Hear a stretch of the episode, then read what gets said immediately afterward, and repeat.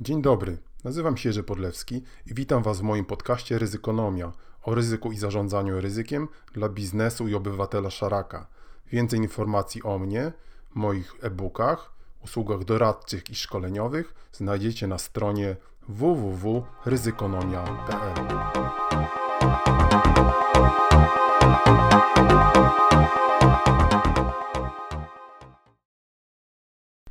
Witam Was w kolejnym odcinku podcastu Ryzykonomia. Miały być kolejne odcinki, oczywiście będą.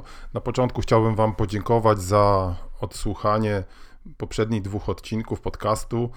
Już są zresztą one dostępne bardzo łatwo na różnego rodzaju platformach, przede wszystkim iTunes, tu chociażby aplikacja podcasty, na, w Google Play, e, w Windows, Stitcher, e, Tuning, i wiele innych, które łatwo znajdziecie i umożliwią Wam słuchanie tego podcastu na Waszych ulubionych urządzeniach mobilnych. Mam nadzieję, że będziecie subskrybowali, czekali na więcej i oczywiście komentowali, a możecie też czasami pochwalić, dlaczego nie.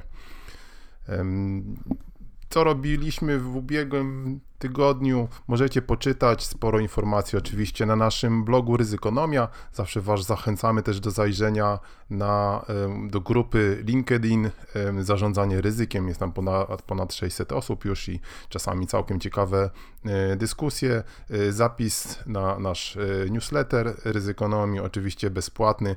Tam możecie na bieżąco się update'ować, co dzieje się w zarządzaniu ryzykiem i oczywiście w świecie, który jest ryzykowny ryzykowny i zapewne coraz bardziej i pewnie w kolejnych odcinkach będziemy poświęcali opisowi tego świata e, więcej miejsca. E, a na początku chciałem tym razem się chwilę z Wami porozmawiać, zastanowić się, czym jest w ogóle zarządzanie ryzykiem, ale w taki mam nadzieję ludzki i przystępny sposób. Zresztą nie tylko samo zarządzanie ryzykiem, ale zarządzanie w ogóle. Tu jeszcze taka mały trend, jak zapewne zauważyliście, jest to dla mnie pewna nowość, podcast, chociaż mam spore, myślę, doświadczenie w mówieniu do ludzi, ale zazwyczaj jak to się mówi face to face, więc to jest pewnie dla mnie pewne wyzwanie, kiedy nie widzę reakcji uczestników po drugiej stronie, więc będę się starał Was oczywiście sobie wyobrazić, e, natomiast e, pewnie będę trochę również e, eksperymentował z mówieniem szybszym i wolniejszym i mam nadzieję, że będziecie mi dawali znać, jak to, jak to jest po drugiej stronie. Ja zazwyczaj mówię dosyć szybko, i, ale myślę, że pewnie lepiej mówić trochę szybciej niż zbyt wolno, żebyście tam nie zasnęli po drugiej stronie mikrofonu, prawda? Nie śpicie, nie śpicie. E, dzisiaj chciałem porozmawiać z Wami, opowiedzieć Wam kilka swoich obserwacji na temat złotych zasad zarządzania ryzykiem. Ale tak sobie myślę, że one dotyczą nie tylko zarządzania ryzykiem, w ogóle dotyczą wszystkich e, dziedzin aktywności ludzkiej, zarządzania w ogóle, czyli tego, co Rzymianie nazywali najbardziej boską rzeczą na świecie, właśnie zarządzanie, chociaż oni pewnie mówią raczej rządzenie ludźmi, ale w sumie sprowadzało się do tego samego. Więc ja swoją, tą krótką dzisiaj opowieść na temat tych złotych zasad, które moim zdaniem są bardzo ważne, a często lekceważone, od razu przechodzi się do praktyki różnego rodzaju procedur, opisów, polityk, a myślę, że chwila zastanowienia się, e, na czym polega zarządzanie, jaki to ma sens, e, dużo by wcześniej e, spraw mogłaby rozwiązać i nie zmuszała później do zastanawiania się, dlaczego ciągle nam coś tam nie wychodzi, prawda? W tym przypadku zarządzanie ryzykiem, ale tak jak powiedziałem, te, te, te, te kwestie, o których powiem za chwilę, dotyczą e, zarządzania w ogóle.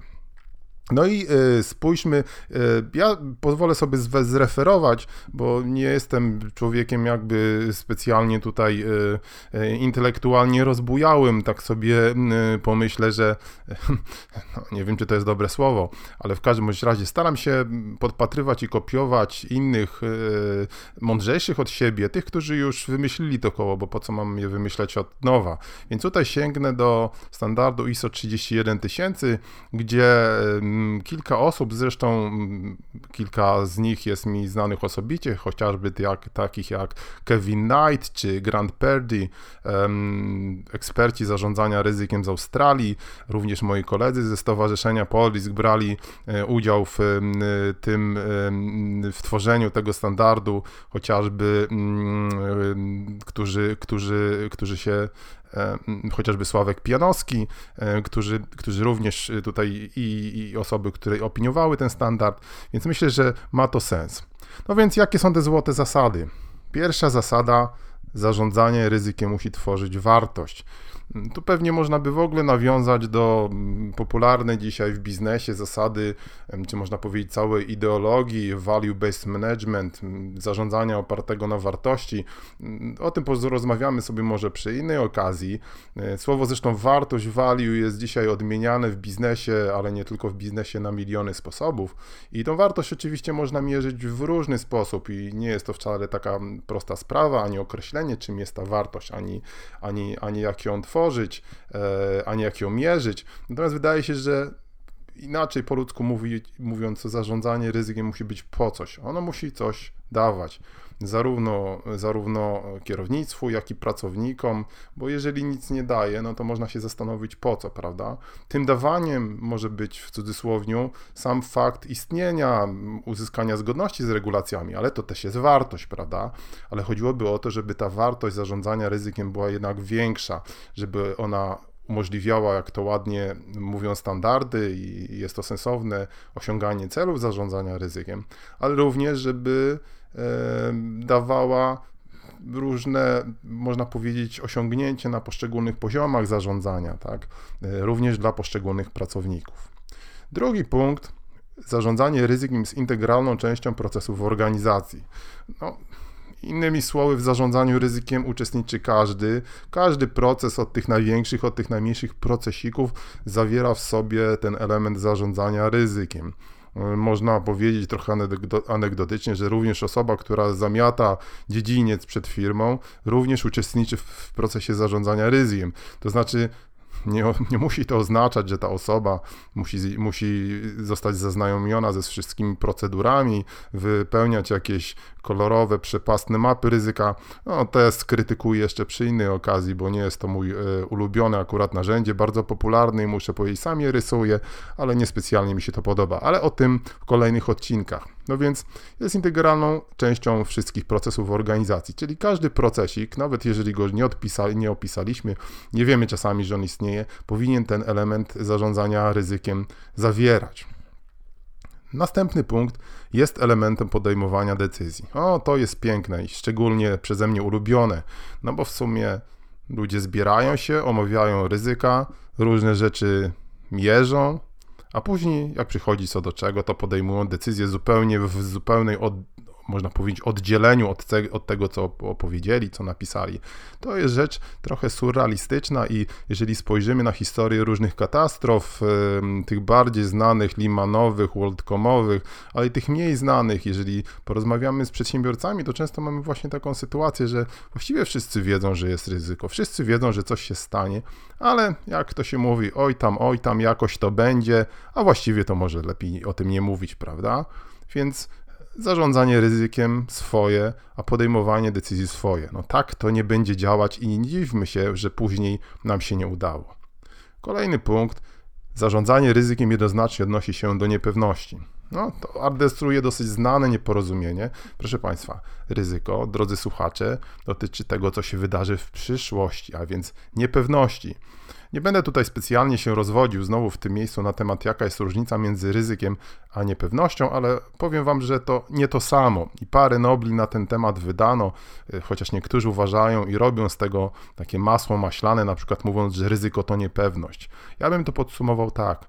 Niepewność jest to pewien stan, jest to pewna sytuacja, która na, nas otacza, a ryzyko pojawia się w momencie, kiedy podejmujemy decyzję jeżeli nie podejmujemy decyzji, chociaż znowu nie podejmowanie decyzji jest też decyzją, no to żyjemy w tym stanie niepewności, która ma charakter, można powiedzieć, immanentny. Jakie są związki między ryzykiem a zarządzaniem, a niepewnością? no przeróżne można snuć tutaj mm, teorie opowieści. Dość powiedzieć, że pierwsza znana książka nowożytna dotycząca ryzyka, który autorem jest Frank Knight, napisana w 1920 roku. O, miałem nawet kiedyś okazję ją przeczytać w formie reprintu. Strasznie to długaśne i raczej ciężkie do czytania. Frank Knight, amerykański ekonomista ze, ze szkoły chicagowskiej, napisał książkę pod tytułem Risk Uncertainty and Profit, czyli ryzyko, niepewność i zysk. No i chociażby dowodzi, żeby przedsiębiorca, przedsiębiorca osiągał zysk, musi podejmować ryzyko. Przy czym Knight dzieli ryzyko na właściwe, niewłaściwe, to którego prawdopodobieństwo można określić, to którego nie można. Popada w tam w różne e, pułapki swojej, swojego tego podziału, ale tak jak powiedziałem, ten tytuł jest bardzo wymowny i zresztą mi się bardzo podoba. Czasami mam wrażenie, że w niektórych książkach najważniejsze są ich tytuły, chociażby taka książka Społeczeństwo spektaklu Gaia Debord. Polecam przy okazji zajrzenie, bo to jest dosyć popularne w różnych kręgach anarcho-syndykalistycznych i nie tylko. Piękny tytuł, społeczeństwo spektaklu, odnoszące się do tego, jak działają dzisiaj społeczeństwa nasze. O, może o tym porozmawiamy przy innej okazji. W każdym razie piękny tytuł i czasami mam wrażenie, że on jest najważniejszy w tej książce, co wcale nie zmienia jej wagi. Ale wracając do naszego zarządzania ryzykiem, bo podryfowaliśmy tutaj do jakichś, do jakichś wtrętów pobocznych, więc zarządzanie ryzykiem, powtórzmy raz, jednoznacznie odnosi się do niepewności, czyli nie identyfikujemy tego, co jest pewne. To jest oczywiście bardzo ważna informacja. Możemy ją zachować w innych miejscach, chociażby w rejestrze jakichś wydarzeń, ale z punktu widzenia zarządzania ryzykiem jest to dla nas, powiedzmy, mniej istotne. Tworzy raczej tło dla naszych decyzji, dla kwestii związanych z analizą ryzyka. Punkt kolejny Zarządzanie ryzykiem systematyczne, strukturyzowane oraz terminowe. No piękne znowu słowo, systematyczne. Raz, dwa, trzy, czyli robimy je po kolei systematycznie. Ma swoją strukturę, tak? Pierw punkt pierwszy, pierw punkt drugi, po to chociażby proces zarządzania ryzykiem. Na początku identyfikujemy ryzyko, później analizujemy, ewaluujemy i postępujemy z ryzykiem. I do tego różne sprzężenia zwrotne. Wszystko, proszę Państwa, po kolei, drodzy słuchacze, bo inaczej się pogubimy. No i jeszcze najważniejsze jest terminowe. Jeżeli ustalimy termin zrobienia czegokolwiek, to to robimy. Nie za miesiąc, nie za dwa lata, nie za trzy, tylko właśnie wtedy, w terminie, który zapisaliśmy, uwaga, na papierze. Kolejny punkt. Zarządzanie ryzykiem wykorzystuje najlepsze dostępne informacje. Hmm, co jest, co jest najlepsze i co jest dostępne, to jest oczywiście inna sprawa, bo żyjemy dzisiaj w społeczeństwie, gdzie właśnie informacja jest najważniejsza. Informacja jest też, jak chociażby pisał David Akerlof w swojej sławnej książce Market for Lemons, a raczej naukowym papierze, tak to nazwijmy, informacja jest dzisiaj asymetryczna. Jest ona najważniejsza, jest Jedni mają jej więcej, drudzy mniej, no i dlatego staramy się wykorzystywać te najlepsze, a więc musimy się starać je zdobyć i te, które są dla nas dostępne, bo część informacji oczywiście dla nas jest niedostępna. Ja powiem Wam szczerze, że czasami zastanawiając się nad pewnymi swoimi ekonomicznymi, życiowymi decyzjami, dlaczego na przykład 10 lat temu nie kupiłem 10 domów, to szczerze mówiąc, no nie miałem takich informacji, że to, co się wydarzy na przykład na rynku nieruchomości, to, to się wydarzy, prawda? Mnie się wydawało, że na podstawie moich dostępnych informacji. Raczej nie jest możliwe, aby chociażby nieruchomości były warte w Polsce tyle co w Berlinie czy w Hamburgu. No ale zostawmy ten temat, bo oczywiście zakładam, że słucha mnie paru specjalistów od nieruchomości, którzy mogą mieć inne zdanie. W każdym razie dostępne informacje, to co możemy robić, to co robimy, a tego czego nie możemy, oczywiście nie robimy, ale w każdym bądź razie próbujemy. Kolejny punkt. Jest dopasowane. Oczywiście, jest dopasowane do wszystkiego. Jest dopasowane do wielkości naszej organizacji, jest dopasowane do naszych zasobów, jest dopasowane tego, co chcemy zrobić i tego, co wiemy, bo inaczej nie można. Nie staramy się budować gigantycznego, wielgaśnego systemu w małej organizacyjce. Tu znowu mam taką myśl o sławnej kontroli zarządczej, czyli w niesamowitym wprost systemie wdrożenia innymi zarządzania ryzykiem do sektora publicznego i nie wiem czy wiecie, również każde przedszkole, żłobek ma rejestr ryzyka. No, brzmi niesamowicie, prawda? Jak to możliwe? No, to ma sens, żeby to zarządzanie ryzykiem istniało, ale w formule, która odpowiada potrzebom organizacji. W małej organizacji mniejsze zarządzanie ryzykiem. Może nawet nie na papierze, może chodzi o to, żeby to omówić, może chodzi o to, żeby były pewne zasady, pewne, pewne, e, pewne takie nawyki. O wielkiej organizacji możemy pomyśleć o większym, ale broń Boże nie za wielkim, żeby to nas nie przygniotło, żeby się nie okazało, że jedynymi, którzy potrafią to zarządzanie i nie tylko ryzykiem, powtarzam, obsługiwać są konsultanci, którzy nam ten wielgaśny system zbudowali. Kolejny punkt, zarządzanie ryzykiem bierze pod uwagę czynniki ludzkie i kulturowe. No, ludzi trzeba zawsze brać pod uwagę, bo jak reklamują się wszyscy headhunterzy i wszystkie firmy na swoich stronach, ludzie są najważniejsi. Jak z tym bywa, to jest oczywiście inna sprawa, łatwiej powiedzieć niż zrobić, ale jest to prawda, niewątpliwie jest to prawda. Czynniki kulturowe to jest kolejne wyzwanie naszych czasów. Nawet w naszym dość homogenicznym i zamkniętym na świat społeczeństwie mamy coraz więcej osób z zagranicy, chociażby obywateli Ukrainy, którzy przyjeżdżają tutaj pracować. Nie jestem ekspertem od y, kultury ukraińskiej, chociaż trochę wiem, ale pewnie i różnego rodzaju sposoby zachowań nie, nie wartościuje ich tutaj, są inne niż w Polsce i to trzeba brać pod uwagę. Chociażby ostatnio słyszałem, że są firmy budowlane, które właściwie dzisiaj posiłkują się w wielkiej mierze albo nawet tylko za, zatrudniają Ukraińców, osoby z Ukrainy.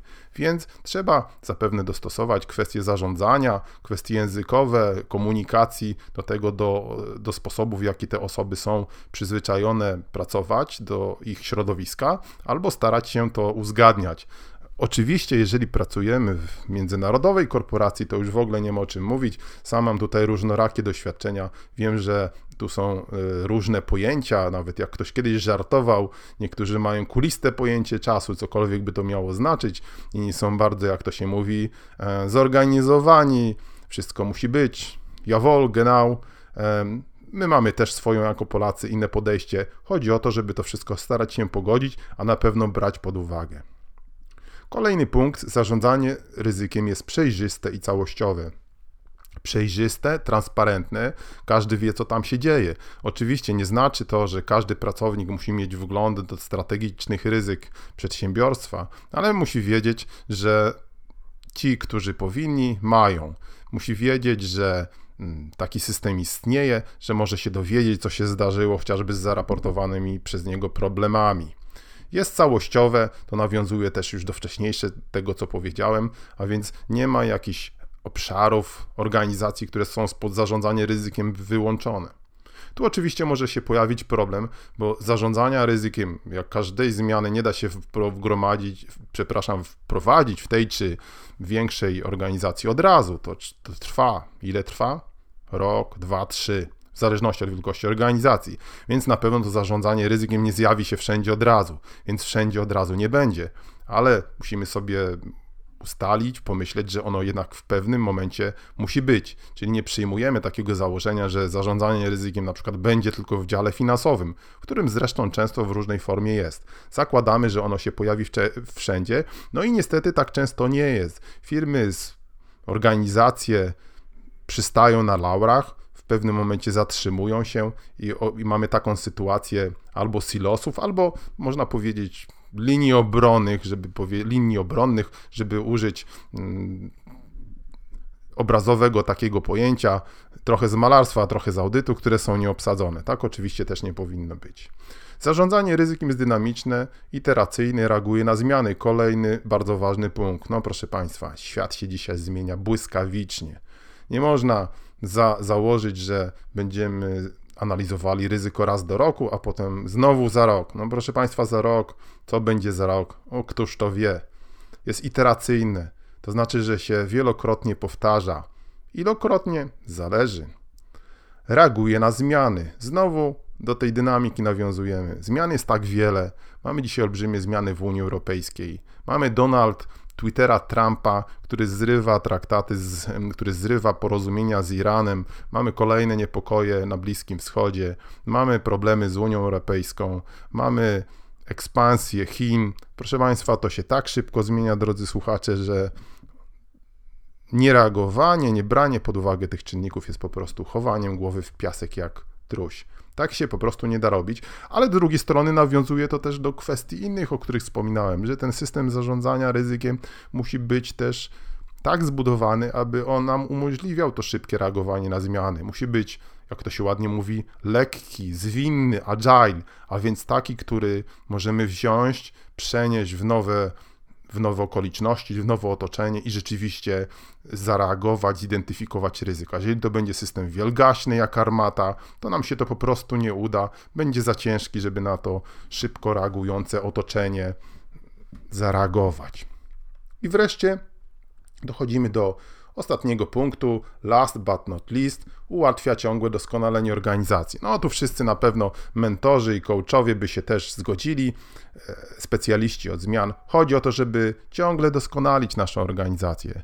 Ona pewnie nigdy nie jest dostatecznie doskonała. Z drugiej strony musimy zrozumieć, pogodzić się z tym, zaakceptować to, że to, co robimy w życiu, jest ciągłym doskonaleniem się i na tym można powiedzieć, trochę filozoficznym, a może i tej filozoficznej, trochę metafizycznej konstatacji kończymy nasz dzisiejszy odcinek. Zapraszam do kolejnych, słuchania kolejnych odcinków podcastu Ryzykonomia, czytania mojego blogu do księgarni Ryzykonomia, zapisywania się na newsletter. No, widzicie, to się już robi cały outlet ryzykonomiczny. Pozdrawiam Was serdecznie. Do usłyszenia, do zobaczenia.